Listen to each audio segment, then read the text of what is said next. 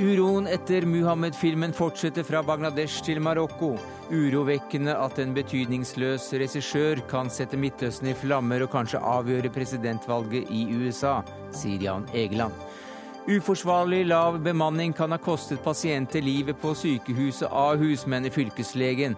Hvorfor dro ikke helseministeren i nødbremsen, spør pasientombudet, og møter regjeringen til debatt. Knut Arild Hareide åpner for regjeringssamarbeid med Frp. Et historisk skille, sier historiker. Feil vei å gå, mener leder i KrF Oslo. Og Oslo Bokfestival er en eneste lang tredagers kommers-salgsfestival som prakker på barn ubrukelige spin-off-produkter, mener kulturjournalist. Festivalen er god, den, og den er til for publikum, mener festivalsjefen.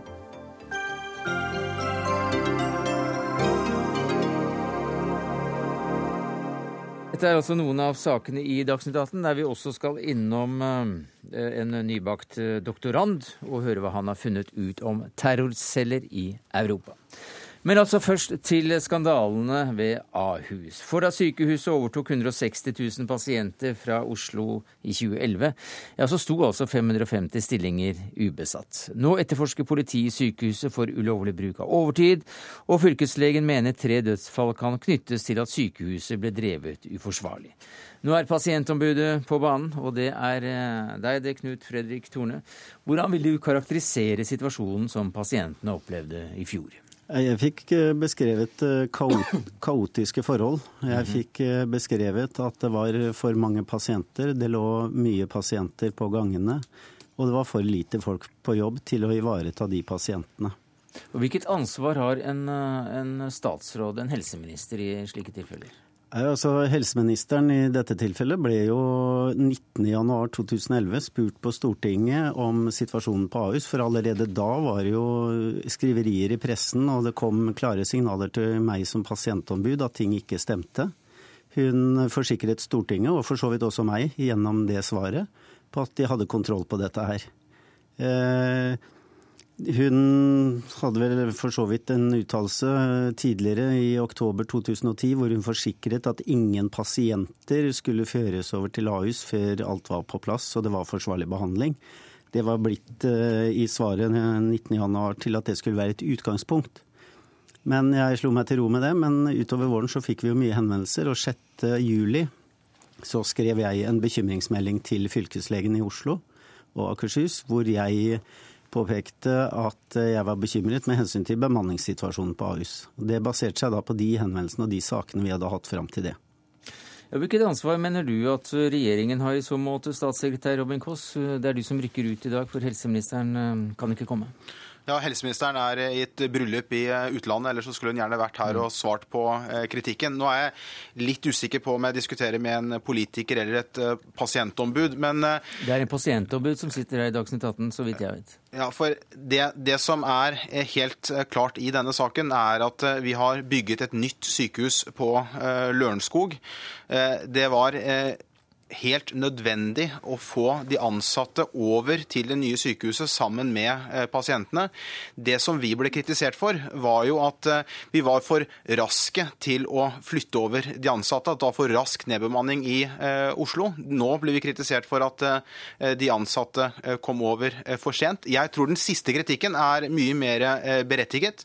Det var ikke bemanningsplaner på plass i Oslo slik det skulle være. Dermed ble mange ansatte igjen. Det skapte en uh, vanskelig uh, situasjon på Ahus.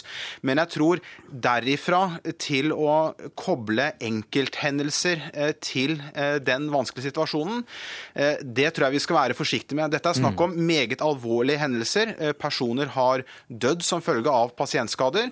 Da tror jeg det er viktig at vi forholder oss til den granskningen som har vært. Mm. Det som Statens helsetilsyn i dag slår fast, at det ikke var en sammenheng. Det var andre feil som skjedde, men det hadde ikke sammenheng med at man hadde bygget et nytt sykehus og flyttet pasienter? Nå syns jeg du tar litt hardt i her. Det Statens helsetilsyn har gjort i dag, er å si at de ikke har vurdert det i forhold til, den ene, i forhold til disse sakene. Eh, jeg baserer kritikken min på en sum av saker vi har hatt. Og det er én ting som står klart for meg i ettertid. Her har det vært eh, for lite bemanning i forhold til antallet pasienter. I tillegg, Nei, men, i tillegg så kjørte man over tid med et overbelegg på uh, mellom uh, Altså man hadde et belegg på 120-130% på flere avdelinger der oppe. Nei, men nå, Du er ett av 19 pasientombud i Norge. Vi har pasientombud i alle fylker, og du har tatt på deg nå en meget krevende rolle som slags politiaktor, politi, aktor, helsetilsyn. Vi, jeg tror at det, det er Jeg er enig. det har vært altfor treg overføring av personell til Ahus fra Oslo. Det har vi jobbet med lenge. Det har vært på Ahus og andre sykehus eh, forferdelige hendelser med pasientskader. Da tror jeg det er viktig at vi forholder oss til det som granskerne mm. nå har sagt, og også at nå er det undersøkelser av politiet. Mm. Helsetilsynet er i ferd med en full gjennomgang. Det vi vet, er at det var litt færre skader i 2011 enn 2010, men det betyr ikke at overføringen mm. nødvendigvis har gått slik den skulle. Eh, jeg forholder meg til det fylkeslegen i Oslo og Akershus har gjort. Han har undersøkt dette med bemanningen på sykehus sykepleiesiden, og han har konkludert med at Nei, han har ikke konkludert. Det er en pågående undersøkelse. Det er kommet noen konklusjoner som viser uforsvarlig behandling av enkeltpasienter. Det er meget alvorlig. Ja, Vi har også ja, snakket er... med fylkeslege. Jeg må nesten bryte inn her. Petter Skau i dag, han er i USA, kunne ikke være med her. Men han sier at han overhodet ikke utelukker at lav bemanning og dermed manglende tilsyn har medvirkende årsak Nei, og, det. Og det, og det, utelukker ikke vi heller. Og det er derfor jeg mener det er så viktig mm. at vi nå gjør undersøkelsene grundig. Dette er snakk om personer som har dødd, som har pårørende som ønsker svar. Har vi fått svar på en del av hendelsene. En del av hendelsene har vi ikke fått svar på. De hendelsene der vi har fått svar, så er det ikke funnet noen sammenheng mellom mm. overføringen. Og da må vi være varsomme med ja. å blande inn disse enkeltsakene. Ja, men uh, så er det, vi har vi også et pasientombud, uh, om du kaller han politiker eller ikke, så har vi han her i studio. Han heter Torne, og han sier at det har vært uh, veldig mangelfull tilsyn også med pasienter i, på dette sykehuset. Og du går også så langt at du faktisk vil ha at noen skal stå til ansvar, du? Ja, det vil jeg så absolutt. Det er jo det flere av de pasientene jeg har hatt kontakt med, og de pårørende også ønsker. Noen må ta ansvar for at min datter, min sønn, er død. Eller min mor, for den saks skyld. Eh, men det er klart at det har vært en rekke andre hendelser også på sykehuset. Folk med smerter som ikke har fått smertelindring i rett tid. Så det er, det er ikke bare disse, disse, sakene som har vært fremme i media. Her er det et eh, større bilde. Men når du nå hører uh, ministerens stedsfortreder så å si her svare for at regjeringen jo har gjort det de skulle? Det er mulig at de har gjort det de skulle, men da har de i så tilfelle gjort en dårlig jobb i forhold til å følge med på det som skjedde der oppe. Det var store problemer, og det var kjent for alle. Leif Frode Onarheim, du satt inntil i går som nestleder i styret for, for Ahus. Og du forlot sykehuset, eller det styret, Eh, fordi du tok ansvar, som du sa. Men når du nå hører en, eh, en debatt som dette, hva tenker du da? Jeg tenker at begge parter har egentlig litt rett i det som kommer frem. Jeg tror det var nødvendig å få det sykehuset. Jeg tror at de var enige om at man skulle få oppbemannet. Det jeg syns er ganske rart, det er at når Ahus hadde gjort ferdig sin bemanningsplan og visste hvor mange vi måtte ha, så ble ikke Oslo ferdig. Det kan jeg forstå. Men det er klart at da måtte jo eierne tre inn og si at noe må vi gjøre. fordi situasjonen ble jo da at Oslo universitetssykehus tapte penger fordi de hadde for mange mennesker. Mm. Og Ahus tapte penger fordi de hadde for få mennesker og bare måtte bruke innleie og overtid. Og eierne det er? Eierne er Helse Sør-Øst og departementet. Så, sånn sett så mener jeg at, at, det burde man sett. At her burde man gjøre noe. Hvilket ansvar eh, du, tillegger du departementet i så måte? Departementet Departementet forholder ikke jeg meg til. Jeg forholder meg til Helse Sør-Øst. Fordi jeg har ingen link opp til departementet. Eh, når du sitter i dette styret, så har vi altså en, en styreleder som er ansatt i Helse Sør-Øst. Mm. Og det betyr naturligvis at den linken er veldig god. Vi skulle gjerne hatt med, med Helse Sør-Øst her, men uh, det har vi altså ikke. Men de var da kraftig invitert. Men jeg har, til, har lyst til å si en, en, ting som var litt viktig for meg. Altså Det er klart jeg kunne godt ha sittet litt lenger. Eh, jeg følte at jeg burde ha satt foten noe hardere ned når det var eh, så tynn bemanning.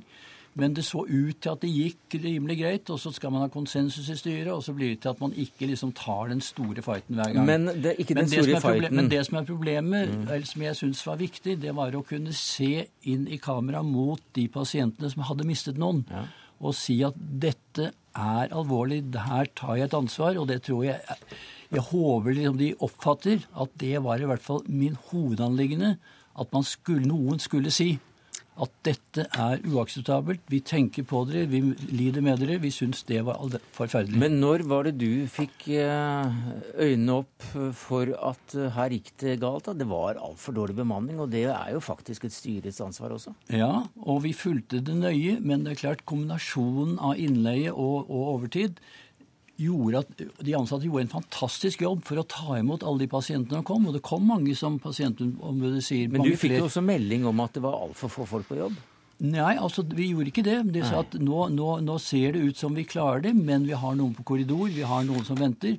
Men vi, det, det så ut som om dette skulle bære frem til vi fikk etter hvert de folkene inn. Så styret fikk ingen eh, alarm? Jo, vi hadde hele tiden, vi hadde hele tiden fokus på dette. Og det var jo slik at det kom en del søknader fra Oslo like før nyttår, altså like før vi tok over disse, folk, disse pasientene. Og det så ut som skulle berge oss over. Og så trakk de seg da, da, da de skulle begynne. Og det er klart, det, da, da blir det vanskelig. Ja. Og da hadde vi allerede startet. Da var det ikke lett å sette en plakat og si 'stengt pga. mannskapsmangel'. Men, men noen Vi kjenner deg både som Høyre-politiker og som styreleder i en lang rekke av Norges største firmaer, også som leder av, av store konserner. Hva vil du som en så erfaren styreringrev si om uh, styrets kvaliteter når, de har, når det kommer til disse sakene? Jeg mener at styret i Ahus fulgte den situasjonen veldig tett. Og det som er feil, og som jeg nå klandrer både meg og litt av administrasjonen på, at alle disse sakene som nå har kommet opp, de hadde jo ikke vi på pannebrasken. De har kommet opp et år etterpå. Hvem hadde ansvaret for det? Det vil nok si at administrasjonen må også komme med de dårlige nyhetene like fort som de kommer med de gode. Og det tror jeg man har lært nå. At alle må være klar over at nå er det en sak som er alvorlig. Vi er usikre på om det, noe, om det er begått noe feil, men i hvert fall så er det et uventet dødsfall. Men uh, uansett så har altså styret feiltolket, feilkalkulert, ikke gjort, gjort jobben sin uh, til de grader at du som nestleder for styret går av. Eh, burde en styreleder og andre også tatt sin hatt og gå, for å ikke bare ta ansvar, men for å vise at eh, de tar også konsekvensen av, eh, av, det ansvaret? Nei, Jeg tror det er greit at jeg har tatt det. Jeg har ikke noe kontakt i Helse Sør-Øst. Jeg var den, den nest siste styrelederen, den som hadde ansvar. Og da fant jeg at det var riktig at jeg går ut av dette og viser med det at vi burde ha sett og vært litt tøffere når det gjaldt dette med å få overført folk fra Oslo. Og da er det klart at det var en eiersak. Mm. Det burde de ha tatt tak i. Og det fikk de mange, mange hentydninger om det, men det ble altså ikke gjort. Eh, når det gjelder det at Onarheim har trukket seg, så har jeg i dag fått tilbakemeldinger fra pasienter og pårørende som eh, har lagt merke til det og syns at det var for så vidt en riktig avgjørelse. Men de fleste av dem har ment at det kanskje er noen lenger opp som også bør ta det ansvaret. Som f.eks.? Ja, Det er jo enkelte av de pårørende som har pekt på helseministeren. Da får vi la den ligge inntil ministeren er tilbake i, i, landet. Takk skal du ha som en slags stedsfortreder igjen her, statssekretær i Helsedepartementet Robin Koss. Takk til Leif Frode Onarheim, tidligere nestleder i styret for Ahus, og til deg, Knut Fredrik Torne, pasientombud ved Akershus.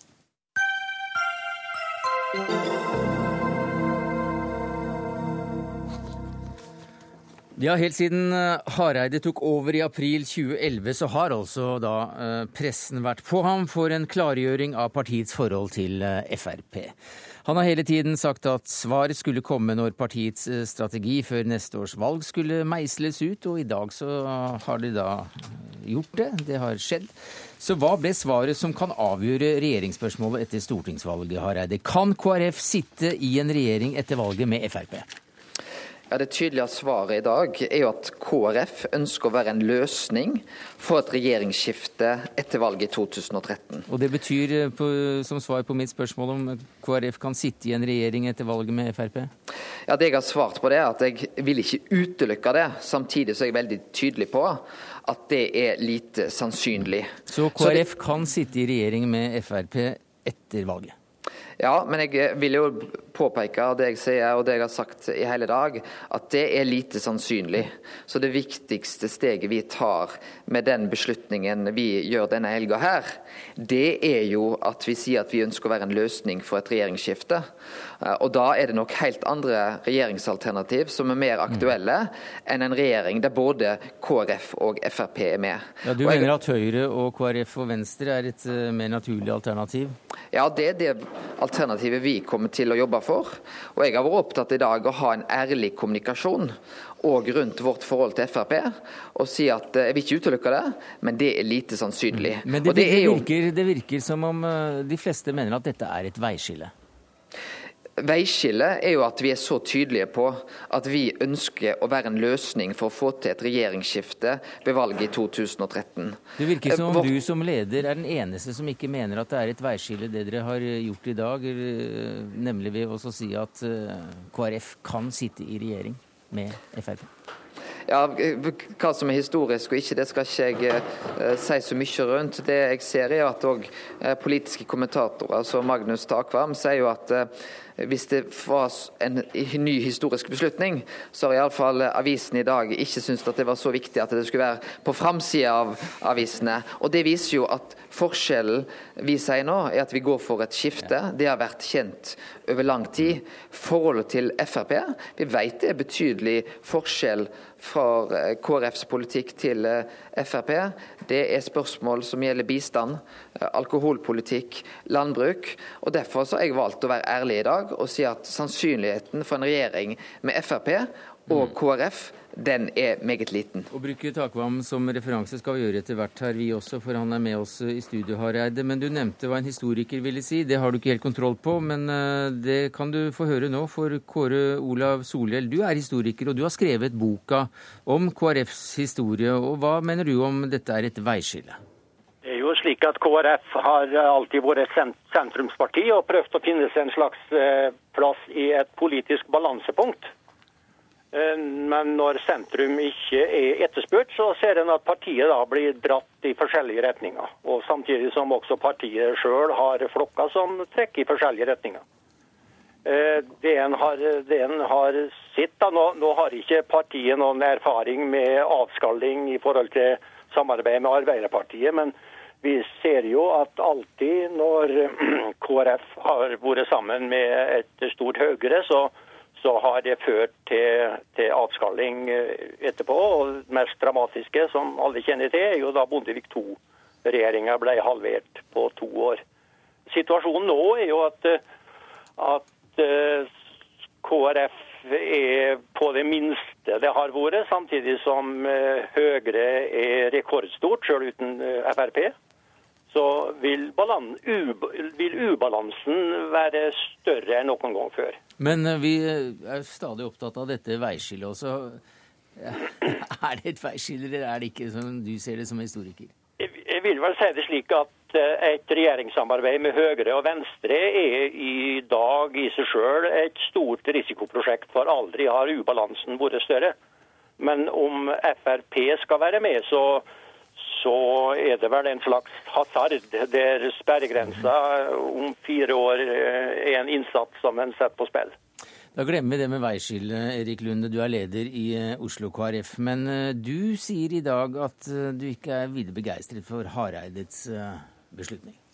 Nå er jeg jo veldig glad for at Knut Arild så tydelig i dag signaliserer at det er lite sannsynlig at KrF og Frp vil havne i regjering sammen.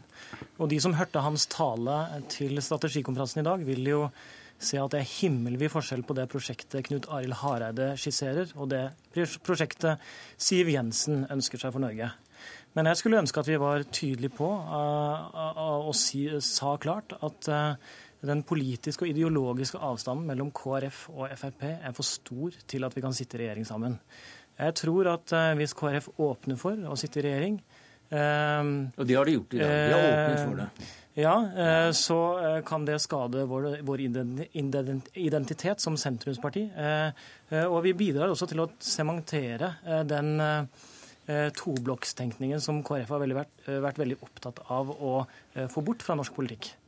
Kjell Magne Bondevik, du er tidligere KrF-statsminister i to perioder. Hva tenker du om dette som har skjedd i dag? For det første syns jeg dette snakk om veiskille er overdrevet. Men, jo, men vi kuttet jo ut det, så vi glemmer ja, det. Ja. For, men avisene skal jo ha noen overskrifter. Jo, jo. For det annet så syns Knut Arild fortjentfullt eh, fremholdt KrF som et sentrumsparti. Og som et verdiparti basert på kristne verdier. Og det siste eh, fører jo frem til noen saker som skiller oss veldig mye fra Frp. Internasjonal solidaritet, sorteringssamfunnet, ruspolitikken, flyktning- og asylpolitikk som har med menneskeverd å gjøre. Og Det gjør at jeg syns ikke bare det er lite sannsynlig, som Knut Arild har sagt, jeg mener at det ikke er sannsynlig i det hele tatt, at KrF og Frp sitter i regjering. Vi kan gjøre sånn som vi gjorde i min tid, deala i Stortinget om budsjett og andre saker. Men sitter du i regjering, så har du ansvaret kollektivt for all regjeringspolitikk fra time til time. Og da må du ha et mye tettere fellesskap enn disse to partiene har. og Derfor er jeg glad for at uh, Knut Arild sier at det en vil jobbe for, det er et alternativ av KrF, Høyre og Venstre. Det kjenner vi. Det kan også være tøft nok, særlig med et stort Høyre. Men er det lurt, er det strategisk fornuftig, det er strategimøte dette her, å si at de eh, utelukker ikke De kan altså sitte i regjering med, med Frp? Ja, du så... gjorde jo ikke det. Nei, og jeg var veldig klar på at det var ikke realistisk. Noen tror det er sånn Carl I. Hagen-hat fra min side, men det har ingenting med det å gjøre. Det er beinharde politiske ja, ja. realiteter. Eh, og de som styrer partiet nå, får eh, vurdere hva som er strategisk ja, det, klokest det, det, å si. Det gjør de, men nå spør jeg deg som ja, en person som overhodet ikke var inne på det, ja. de uh, tanker, Nei, altså, Jeg ønsker jo ikke å bli en sånn sjuende far i huset som Nei, skal belære, men, men, jeg, men jeg hadde gjerne sett at ikke bare så lite sannsynlig, men at det er ikke sannsynlig i det hele tatt. For det, det, jeg tror ikke dette kommer til å skje, at de blir sittende i samme regjering. For det er ikke grunnlag for det. Men det som i tillegg til Høyre, KrF og Venstre, som kan bli et realistisk alternativ, og som også Gallupene viser kan bli det nå, faktisk, så kan det også være et alternativ for KrF, som Knut Arild sa i talen i dag, å ikke gå inn i regjeringen i det hele tatt. Sørge for et skifte men sjøl gå i en kritisk opposisjon og komme inn på vippen i Stortinget, som vi har vært mange perioder, så kan KrF bli mm. interessant, vi kan få innflytelse, og vi kan bygge oss opp igjen, sånn som KrF gjorde på 80- og 90-tallet. Du hørte de rådene der fra en, eh, fra en tidligere sjef, Hareide? Ja, det var mye klokt eh, fra ja, samtlige. La oss ta det siste. Kanskje er det lurere å, å sitte litt stille i forhold til Frp. Ikke, ikke hive seg på, men heller bygge seg opp? Ja, altså Jeg har vært tydelig på det at eh, en meget attraktiv posisjon for KrF etter neste valg kan være at vi sitter i Stortinget eh, og kan påvirke det en mindretallsregjering. Og Erfaringene vi har hatt nå med en flertallsregjering, der vi har ikke noen innflytelse, har vært veldig dårlige. og Derfor så ønsker vi et skifte. Og Vi vet jo det at mindretallsregjeringer relativt sett øker styrken til sentrum. Og Var det ett budskap som var tydelig i dag fra meg i CCA, så er det at KrF er et sentrumsparti. Eh, vi er et sentrumsparti, men vi ønsker et skifte fordi vi ønsker å få forbedra familiepolitikken, en satsing på frivillighet og mm. fattigdomsbekjempelse. Men Hareide, det... hvorfor, uh, hvorfor, er det såpass viktig for deg å si at ikke du utelukker et regjeringssamarbeid med Frp? Vi er jo opptatt av det. Det er dagens store nyhet for i det partipolitiske floraen vår. Det er at du har eh, uttalt disse ordene. Hvorfor er det så viktig for deg å holde en sånn dør på gløtt inntil, inntil Frp? Som strategi, for det er et strategimøte vi tar utgangspunkt i? Det er fordi jeg ønsker en ærlig kommunikasjon.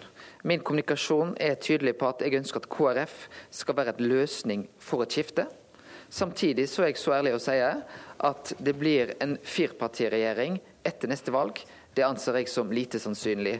Da har jeg sendt et tydelig budskap til de som ønsker å stemme på KrF og få til et skifte. Men jeg har òg vært veldig tydelig på at å tro at en firpartiregjering med både Frp og KrF, det er lite sannsynlig. Hvordan blir det i en regjering å sitte med Siv Jensen som utenriksminister og deg som bistandsminister? Det er klart at det jeg kan si er at For KrF så er det politikken som er avgjørende. Det er politisk gjennomslag. Eh, og da er det helt riktig, som òg Solhjell sier her, vi er nødt til å få en styrka oppslutning òg for vårt prefererte alternativ, som er med Høyre og Venstre. Vi er nødt til å styrke vår posisjon. Vi har sittet i regjering før. Vi hadde vi fikk store gjennomslag under Bondevik II-regjeringa, men vi vet jo òg at det var krevende for partiet. Og da var ikke engang Høyre dobbelt så stort som KrF. Eh, på de siste meningsmålingene så har de vært fem ganger så stort som mm. KrF, så vi er nødt til å ha en styrke for òg å bidra i vårt prefererte mm. alternativ. Takk skal du ha, Knut Arild Hareide, leder for Kristelig Folkeparti. Eh, Kjell Magne Bondevik, leder av Oslo Senter for fred og menneskerettigheter, men også her nå da med som tidligere statsminister for KrF. Det første kommer vi tilbake til når vi skal snakke om Midtøsten. Erik Lunde, leder i Oslo KrF. Det var også de som har drevet med, med, politikk så å si på heltid noen når Magnus Takvam, politisk eh, kommentator i NRK, allerede innannonsert av partilederen.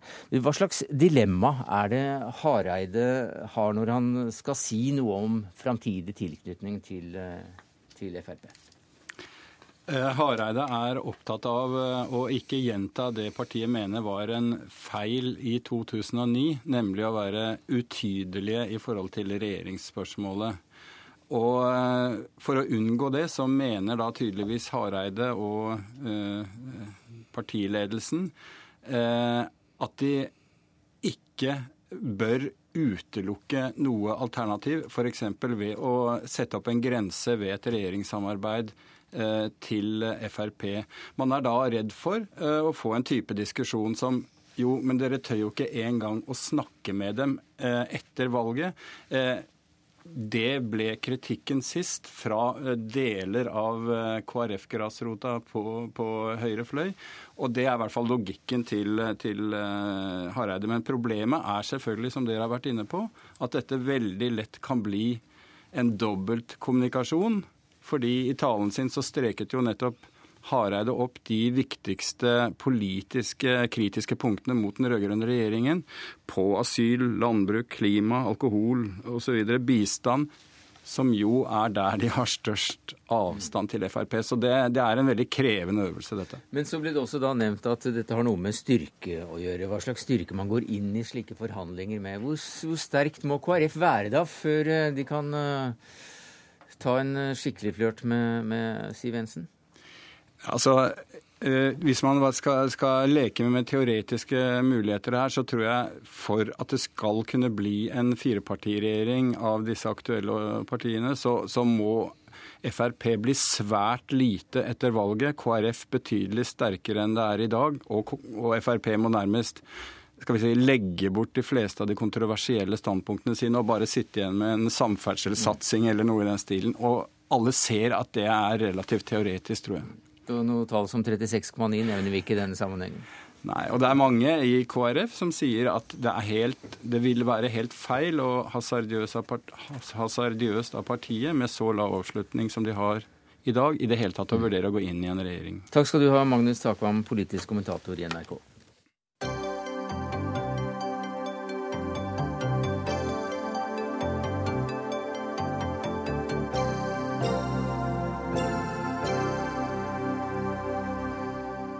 Så til eh, urolighetene i muslimske land etter at deler av den sjikanøse Muhammed-filmen ble oppdaget på nettet, eller lagt ut. Mange fryktet hva som skulle skje i dag etter fredagsbønn rundt om. Også Marit Befring, du er utenriksmedarbeider her i NRK. Hva har skjedd? Jo, Det startet jo egentlig ganske fredelig før i dag, men eh, så tok det seg opp eh, flere steder, for å si det på den måten. Altså det siste som har skjedd nå, er at i Tunisia så velter det svart røyk opp fra den amerikanske ambassaden i Tunis. Eh, det ser ut som de har tent på parkeringshuset der, og flere demonstranter har også kommet over muren. Eh, politiet har svart med tåregass og også og, og, Jeg vet ikke hvordan situasjonen er akkurat nå, men det virker som om de også har skutt mot demonstrantene. Og Det er også en amerikansk skole i byen som står i brann. Eh, og ellers så har jo også urolighetene på Tahrir-plassen i Egypt eh, tatt seg opp i kveld etter at eh, det var rolig tidligere i dag. Her har jo politiet stengt av veiene rundt ambassaden slik at de ikke skal klare å komme frem dit. Men det er urolig flere steder, også i Sudan, der det blir meldt om at to stykker er drept nå. Det skal være ambassader som også er angrepet, tysk ambassade? Ja, I Sudan så ble den tyske ambassaden tidligere i dag eh, angrepet. Da gikk demonstranter over muren, eh, og de plantet også dette svarte islamistiske flagget inne på området. Eh, nå har urolighetene der fjernet seg. Altså, de har fått kontroll der, og demonstrantene har gått til den amerikanske ambassaden. Der har de også kommet inn på området, men skal også ha vært, blitt fjernet nå etter at det har vært utløst skudd. Og en person der skal ha blitt påkjørt av en politibil. Demonstranter har blitt fraktet til den amerikanske ambassaden i både busser og biler. Demonstranter er fengslet i Chennai i India? Eh, ja, eh, nærmere 90 demonstranter eh, ble, ble fengslet der etter å ha kastet steiner mot konsulatet. Men her skal det også være rolig nå i kveld. Libanon?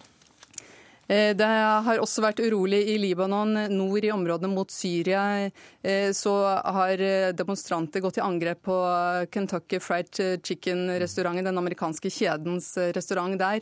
Eh, og der skal minst 25 mennesker være skadet i sammenstøt med politiet. Og, ja, det, men også her nå skal det være under kontroll. Mm.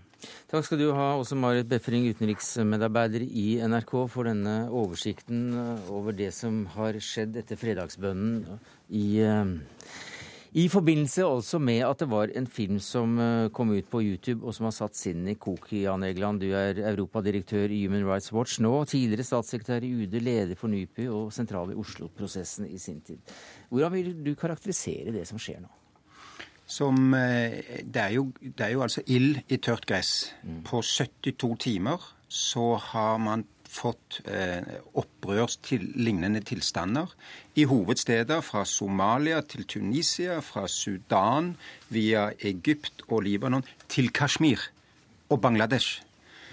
Eh, og det viser vel en serie ting. En av dem er hvordan nå Internett, YouTube osv kan sette store befolkningsgrupper eh, nærmest i brann, selv om det er en, ofte en liten, obskur eh, eh, fyrstikk i begynnelsen. Her er det da kanskje altså en koptisk-egyptisk emigrant i USA som har lagd en low budget, dårlig film. Det plukkes opp av en pastor i Florida som har 50 medlemmer i sin menighet. Og så plutselig vet hele verden Altså Det går utrolig fort nå, samtidig som det er jo fundamentalisme i alle de store verdensreligionene, herunder islam. Men det er jo først og fremst islam vi hører om. Eh, at eh, eh, Ansari, du er dokumentarist i Status Norge her i NRK. Du har pakistansk og muslimsk bakgrunn. Hvordan forklarer du det som skjer nå? Jeg tror at det finnes altså, tre mulige forklaringsmodeller her. Altså, den ene kan være den religiøse, den andre kan være sosiologiske, og den tredje da selvfølgelig den politiske. Mm -hmm. Den religiøse går i hvert fall ut på liksom at dette er en parodi av profeten Mohammed. Eh, det er en parodi som da fremstiller Mohammed som en kvinnebedårer, som en barnemorder, en kvinnemorder. Eh, og også da eh, så en som eh, er da, altså ikke er tro mot sin egen frue. I tillegg til dette Dette er jo et slags sånn karakterdrap, vil jeg si. Altså, men i tillegg til dette så er det da dette med Koranen.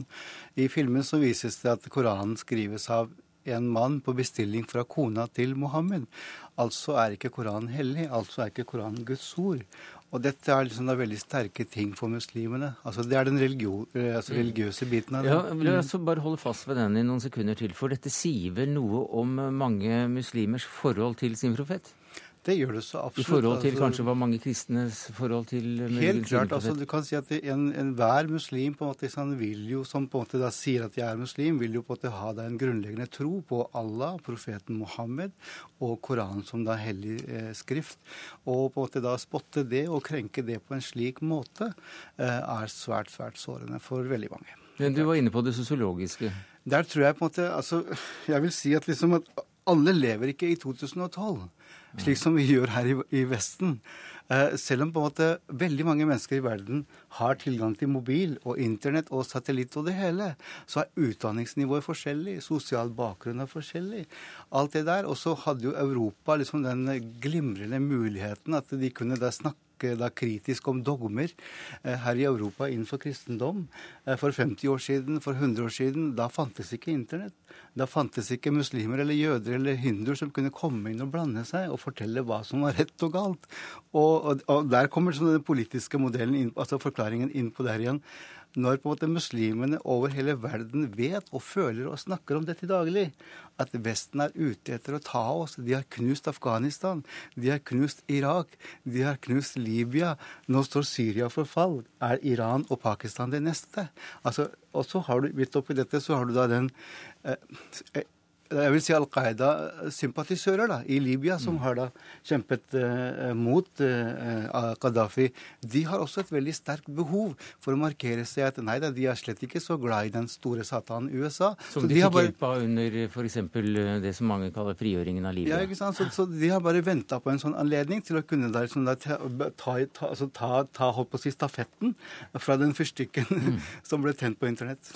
Kjell Magne Bondevik, det var, mange, det var mange perspektiver her, men la oss holde fast ved det, ved det religiøse, for så vidt, som, eh, som da også, også, går ut på at eh, mens eh, Vesten kunne ta oppgjør med visse dogmer innen sin egen religion uten å ha et kjempekjør utenfra fra andre religioner som harselerte med, med, med, med vårt syn, ja, så opplever også uh, muslimer at uh, at de blir harselert med og sjikanert med, når, med, sine dogmer. Er det en forklaring?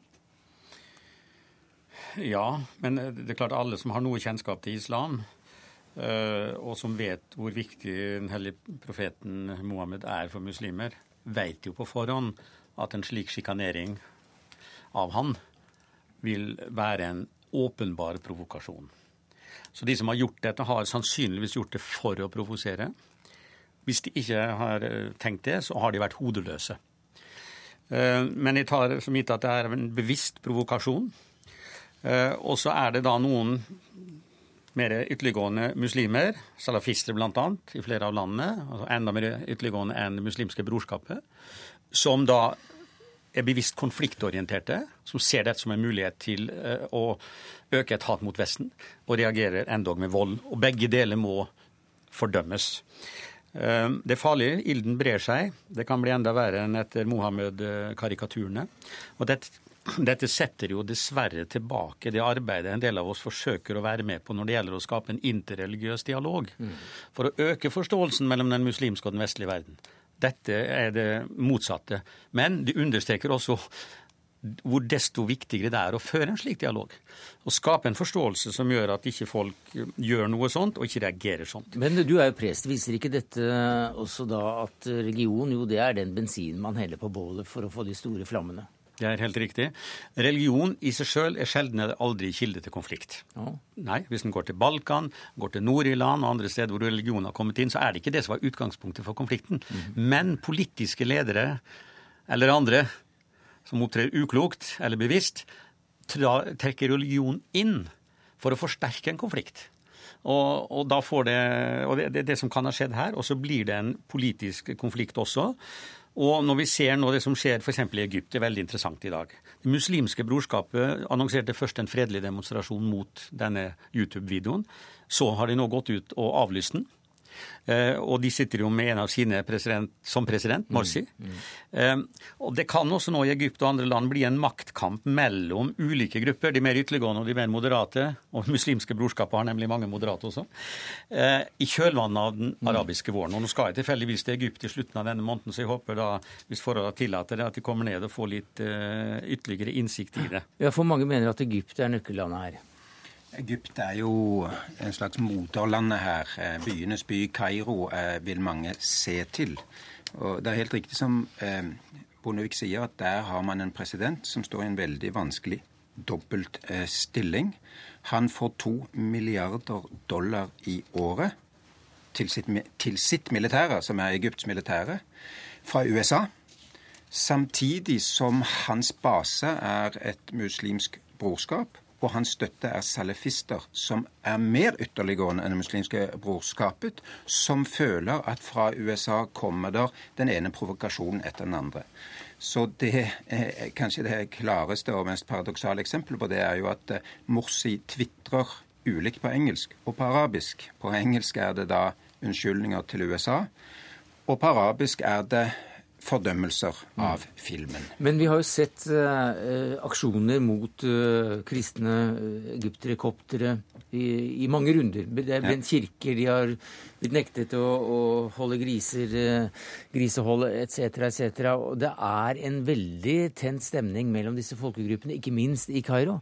Hva da hvis det viser seg at det er en, en kopter som står bak denne filmen?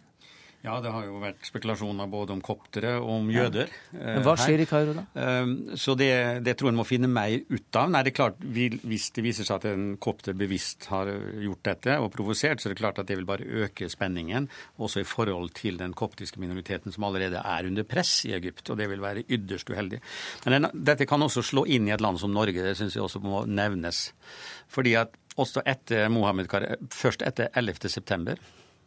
og etter Muhammed-karikaturene, så ble det en opphissa stemning eh, blant mange vanlige nordmenn som var i ferd med å gå utover vanlige, fredsommelige muslimer i Norge. Som statsminister husker jeg at de dro da til moskeen i Oslo for å markere at det er ikke en norsk aggresjon mot muslimer. Eh, men, og, og det må, samme ansvaret må vi nå være oss bevisst. Vi må ikke la ytterliggående krefter i USA som har skapt videoen, og ytterliggående krefter som reagerer mot igjen med vold, det må vi ikke la gå utover muslimer generelt, og at de nå skal unngjelde. For det er trolig et mindretall, kanskje et lite mindretall, som står for de voldelige aksjonene nå mot ambassader og andre. En kjent eh, debattant og en forfatter, Tariq Ali, skrev jo for lenge siden en bok som het liksom da, altså 'Krigen mellom fundamentalistene'. Det var jo nettopp det, det han prøvde å skissere liksom da, i den boken. At uh, ofte så er det da de fundamentalistiske kreftene og ekstremistene som på en måte da hijacker på en måte da, hele debatten og situasjonen. Men når vi snakker om Kairo, så har jeg bare lyst til å nevne at ikke glemme Pakistan. Fordi at hver gang det har vært karikaturtegninger eller brenning av Koran, eller, eller, man har kanskje urinert på Koran, eller sånne ting, så har det gått utover den kristne minoriteten. Uh, man har fått liksom da en sånn økning i falske anklagelser, uh, blasfemianklagelser mot kristne. Uh, brenning av kirker, og til og med da husrader og drap og sånne ting har man opplevd. Så den, den ytringsfriheten som vi praktiserer her i Vesten, den har en høy pris. For høy pris, Bondevik? Nei, jeg, jeg vil ikke stanse ytringsfriheten med lov, men jeg vil oppfordre folk til å bruke den med forstand. Mm. Det er ikke sikkert at uh, det, det går helt hjem. Hva sier du? Det er jo ikke plikt for alle å provosere. Nei, men det er, det, er er som, det er, noen som, gjør det, da. Ikke Ja, det er det, og Pakistan her er helt enig. Jeg var selv i Pakistan i desember som leder av en kirkelig delegasjon, nettopp fordi der er det problemer med religionsfriheten i forhold til bl.a. kristne. Nå skal jeg til Genéve på tirsdag på en høring i FN-systemet i regi av Kirkenes verdensråd mm. om religionsfrihetens kår i Pakistan som nå er vanskelige. Men det er, det er en annen eh, skål, Bondevik. Ja, det henger men, sammen med dette, da. Jo, alt henger sammen med alt. Men uh, Egeland, du var innom dette her med, med nettet og, og, den farten som informasjon nå spres med, mm. som en slags, slags, middel, en katalysator for det, det som nå, nå, skjer. Også at en eh, ganske hjelpeløs regissør lager en elendig film, og så får vi plutselig dette her, som også kan gå rett inn i den amerikanske valgkampen, og som allerede har, har gjort det. Men hva sier det da om, eh, om eh, ytringsfrihet, og om man bør eh, ta noen grep for å begrense den når det gjelder religiøs sjikane, når man ser hva det fører til? Altså, mange land har jo blasfemilover, men jeg må jo si som menneskerettighetsaktivist nå at Ytringsfriheten det er altså en grunnpilar i hele menneskerettighetstanken. Og begynner du å begrense det på noen felt, så følger det raskt andre med. Og, og, Uansett konsekvenser. Ja, altså... Poenget er jo at det skal jo så, skal jo så lite til. Eh, det, det, vil alltid kunne være en provokasjon. Jeg tror også, Hovedårsaken er jo ikke at vi har ytringsfrihet. Hovedproblemet er at man har voldelig orienterte eh, religiøse fanatikere. Og det har vi i alle religioner. Altså det er ikke, eh, Islam har i denne generasjonen de aller fleste liksom, eh, som er villige til å, å, å, å begå terror osv. Men se på Vestbredden, eh, de jødiske fundamentalistiske bosetterne. De gjør ting, sier ting, som er helt utrolige. Og se i USA, hvordan nå Obama og for den del Mitt Romney må balansere i et hav av ekstremistiske eh, eh, kristne grupper. Eh, det er altså ikke noe Det er ikke um, ytringsfriheten som er det store problemet her, men eh, disse voldelige gruppene på alle sider. Hvordan ser det ut fra ditt ståsted? Vel, Som journalist så er jeg selvfølgelig for åpenhet og full ytringsfrihet.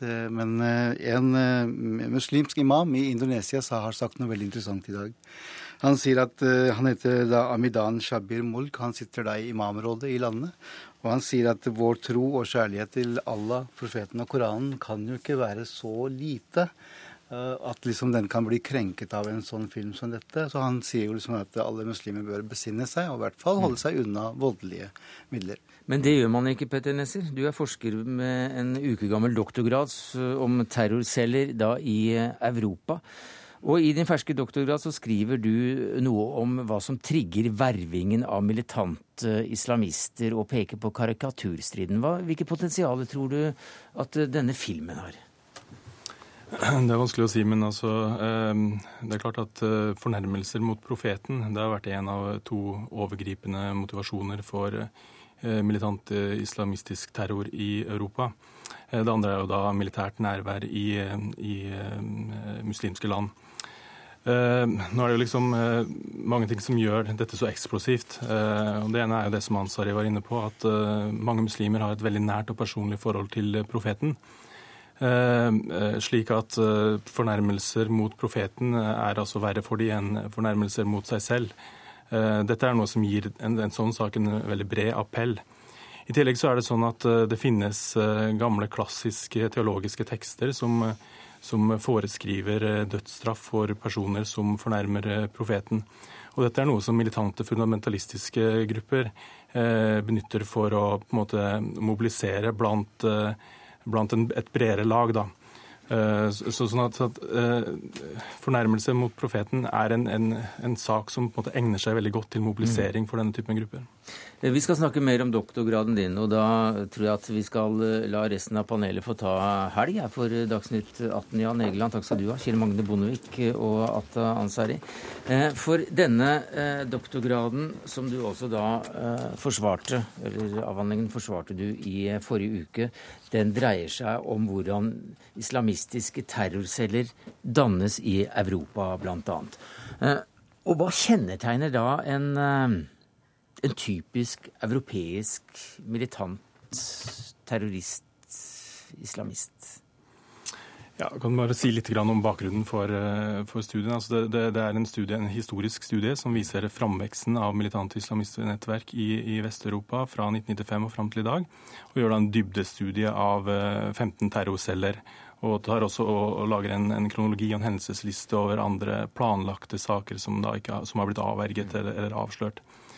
Eh, hva som kjennetegner en, en typisk uh, militant islamist i, i uh, Vest-Europa i, i, dag, er et veldig vanskelig spørsmål. Det er, det er enighet om at det finnes ingen klar profil, ingen klar sosioøkonomisk profil.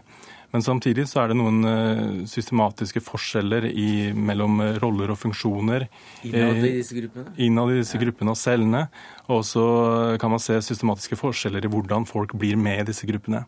Og når jeg snakker om, om, om disse cellene eller gruppene, så er det da eh, nettverk, celler, som, som eh, har en bakgrunn i eh, den såkalte afghaner-araberbevegelsen som oppsto i Afghanistan på slutten av 80-tallet, under krigen mot Sovjetunionen. Og en av de viktigste av disse organisasjonene, eh, og, på en måte en, en veldig viktig aktør, er da Al Qaida. Mm. Og, og, dette nettverket som vokste fram fra denne bevegelsen, har på mange måter vært bestemmende for uh, hvordan trusselen har utviklet seg i Vest-Europa de siste årene. Ja, for uh, til å begynne med så var jo ikke vesteuropeiske mål uh, definert. Det, det, har jo kommet etter en god stund etter at Al Qaida for så vidt har herjet på. Ja, altså Al Qaida sin ideologi går jo på dette med å legge skylden på det som kalles den fjerne fienden. Mm. Eller altså da alliansen mellom USA og Israel, som er roten til alt vondt som har skjedd muslimer opp igjennom de, de, de, de siste årene, eller nyere, historie. historie. Nå er det sånn at Al Qaida-organisasjonen har utviklet seg over tid. Den har knyttet til seg nye grupper, er blitt, den har blitt mer multinasjonal, den eh, engasjerer seg i ulike saker og har etter hvert fått eh, et mer eh, komplekst fiendebilde. Sånn at Selv om Al Qaida startet ut som, et, som, en organisasjon som var fokusert på å kjempe mot USA kun, så, så har da dette fiendebildet blitt, blitt mer sammensatt. Mm. Og eh, Irak-krigen var da eh, det som trigget eh, at på en måte europeiske land ble en del av dette fiendebildet. Men du har altså da sett på, på ulike roller innad i sånne celler. og hva slags nivåer snakker man om, og hva, hva særpreger de, de, ulike, hvis du kan svare ganske kort på det?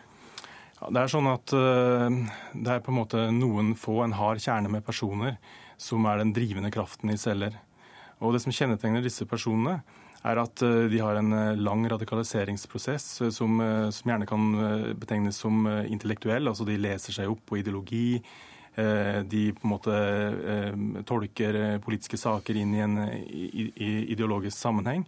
Og de fungerer, fungerer også som, som, eh, som, det jeg kaller entreprenører. altså Det er, det er disse personene som bygger eh, terrorceller, rekrutterer de andre medlemmene, lærer de opp og er så, sånn sett drivkraften.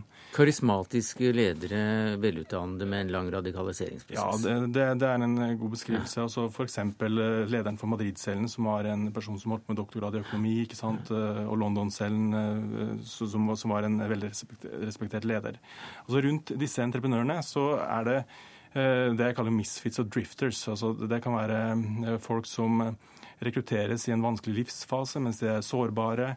har hatt problemer osv., og, så videre, og som da dras inn i disse nettverkene nærmest for å komme på rett kjøl. Mm. Og så er man også en, en, mer sånn vag kategori av mennesker som, som, gjerne dras inn i dette gjennom sosiale nettverk, fordi at de kjenner noen på innsiden. Altså det kan være en, en, en venn, en bror, noen de ser opp til, eller, eller hva som helst. Eh, men, men, det er også denne forskjellen eh, gjennom den bevisste eh, ideologiske radikaliseringsprosessen og denne mer tilfeldige prosessen som går på sosiale nettverk. Og Det blir vanskeligere og vanskeligere å, å lage en stereotyp eller identifisere en, en, en promil, profil, for, for, dette forandrer seg? Ja, og så er det, det er som, som, som jeg nevnte, ikke noen sosioøkonomisk profil. Eh, altså Eh, det er et av de mest solide funnene innenfor terrorismeforskningen er at eh, hvem som helst i prinsippet kan bli terrorist, så lenge du, du kommer da inn i, den, eh, i kontakt med, med, med, de rette uh, personene, organisasjonene og også da ideologiene.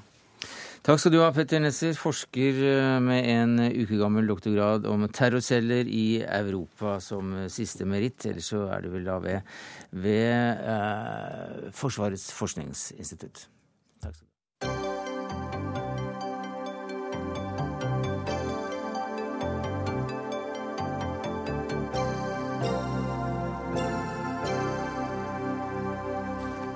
I dag startet eh, Oslo Bokfestival med 200 arrangementer og like mange forfattere i løpet av denne helgen. En fest for far og en fest for mor og en fest for barn, og jammen er det også helt gratis. Og allikevel er ikke du begeistret som kulturjournalist i Dagsavisen, Geir Delin Stava Sandve. Hvorfor ikke? Det jeg eh, mener om Oslo Bokfestival, er at eh, i motsetning til det de prøver å framstå som, som er et sånt eh, koselig og hyggelig kulturarrangement, så er det en eh, eneste lang reklameseanse som går over tre dager og tar stor plass i det offentlige rom. Hva sier du til det? Jeg trodde at dette var en, en, en kulturhappening. Ja, men eh, også Gertrud, du er festivalsjef for, for det hele. Hva sier du til den kritikken? Jeg syns jo den faller litt på sin egen urimelighet. Vi har jo 200 forfattere på programmet, eh, og det, er, det fins ikke 200 bestselgerforfattere i Norge. Det de 200 forfatterne har felles, imidlertid, er jo at de eh, er aktuelle i år, eh, fortrinnsvis nå i høst, med nye bøker. Eh, med andre ord er det lagt opp til eh, innslag etter innslag, hvor forfatterne får lov å fortelle fra boka si, og du da kan gå rett ut i en velutstyrt butikk i store telt i Spikersuppa eh, og kjøpe disse bøkene. Med andre ord er det reklame. Det er ingen andre utvelgelseskriterier i dette eh, programmet. Det finnes ikke noe overordna tema, ingen sånn visjon, ikke noen ønske om å dra fram spesielle skatter, verken historiske eller kulturviktige. Altså, her er det ren salgslogikk mm. som rår, og som bestemmer utvalget. Disse 200 heldige utvalgte. Ja, det er jeg jo uenig i. Jeg vil jo f.eks. si at festivaluniversitetet vårt, det er, det er ganske smale saker. Da kan du høre, høre om spiselig eller om, om, Romania og Albania og en rekke andre land eh, som, som ikke er så veldig omtalt i media ofte. Eh, I tillegg så har vi jo arrangement som eh, tekster om 22. juli, som går litt på dette med liksom, både den skjønnlitterære produksjonen, men også den journalistiske omtalen av rettssaken. Det er debatter om Statoil, det er debatter om landbrukspolitikk, og det er i det hele tatt en ganske stor bredde. Og jeg stiller meg litt uforstående til at det skal være et problem at det er mulig å kjøpe bøker. Det er jo i seg selv ikke et problem at det er mulig å kjøpe bøker. Eh, det er et problem at også de såkalt smale arrangementene her og Lede er hengt på en spesiell bok som kommer ut i høst og kan selges og da kjøpes til full pris. Eh, det er et problem at altså Dette er jo en forlags- eh, og bokhandlerforeningsstyrt festival. Det er de som altså, driver og arrangerer festivalen. De har Eh, i Norge en veldig sterk posisjon. De påberoper seg spesielt samfunnsansvar eh, som, som kulturbærere. Mm. Eh, det gjør bl.a. at de har spesielle privilegier når det f.eks. gjelder momsfritak osv. Da er det spesielt at de både bruker det offentlige rom til, til ren reklame, at de f.eks. på denne festivalen benytter seg av frivillig arbeidskraft, med andre gratis arbeid, som da jobber for at forlagene skal tjene inn eh, ja, mest mulig, rett og slett. Ja, du skriver at eh, frivillig brukes for å fylle forlagenes lommer, og det, det høres ikke helt fair ut. Nei, og det, det, ser ut som det råder en misforståelse her. For det, dette, denne festivalen er jo et eneste stort tapsprosjekt for de som står bak. Mm. Da er det vel ikke å fylle lommene? Altså, det er jo likevel reklame. Hvorvidt den reklamen er vellykka eller spesielt uh, dyktig lagd fra et sånn reklame- og markedsmessig synspunkt, det har jo ingenting med saken å gjøre. Men du hevder også da at uh, ungene må man være veldig forsiktig med på denne festivalen. Hva ja. mener du med det? Nei, jeg synes jo at det er spesielt I Norge har han et generelt reklameforbud uh, mot, uh, altså reklame retta mot barn. mens alle disse arrangementene for barn, de leder jo Der er det en utgang etter du har hørt forfatteren fortelle for boka, og det leder inn i en sånn velutstyrte salgshall, spesialoppsatt for anledningen, der det står stabla og dunger av barnebøker av ymse kvalitet, mm. og diverse masse sånne spinn og produkt, matbokser og kulepenner og kjekke kosedyr, som selvsagt barn har veldig lyst på og maser på å få. Og det er et ganske heftig press for barn og foreldre mm. å motstå. Ja, dette er jo direkte feil, fordi når du kommer ut fra f.eks. hovedscenen, så må du jo faktisk krysse krysse Karl Johan og aktivt gå inn i et telt. Eh, dessuten så er det ikke spesielt mye liksom, eh, barne, barnestæsj i de teltene. Derimot er det ganske mye pocketbøker, f.eks. Det er mye boksalg. Mye lokke, lokkemidler for å få folk til å komme og titte og se litt på hva som er der. Men å si at dette er liksom kynisk utnyttelse av barnet, syns jeg blir helt helt på viddene. Da uh, slutter vi på viddene i Dagsnytt 18 uh, denne uka her, takket være Geir Elin Stava Sandve og Åse Geitrud. Men festivalen holder også på hele helga, og det er 200 forfattere som deltar. For det var det vi rakk denne fredagen, takket være ansvarlig for det hele Siri Storstein Hytten. Det tekniske ansvaret hadde Lisbeth Sellereite. Jeg heter Sverre Tom Radøy.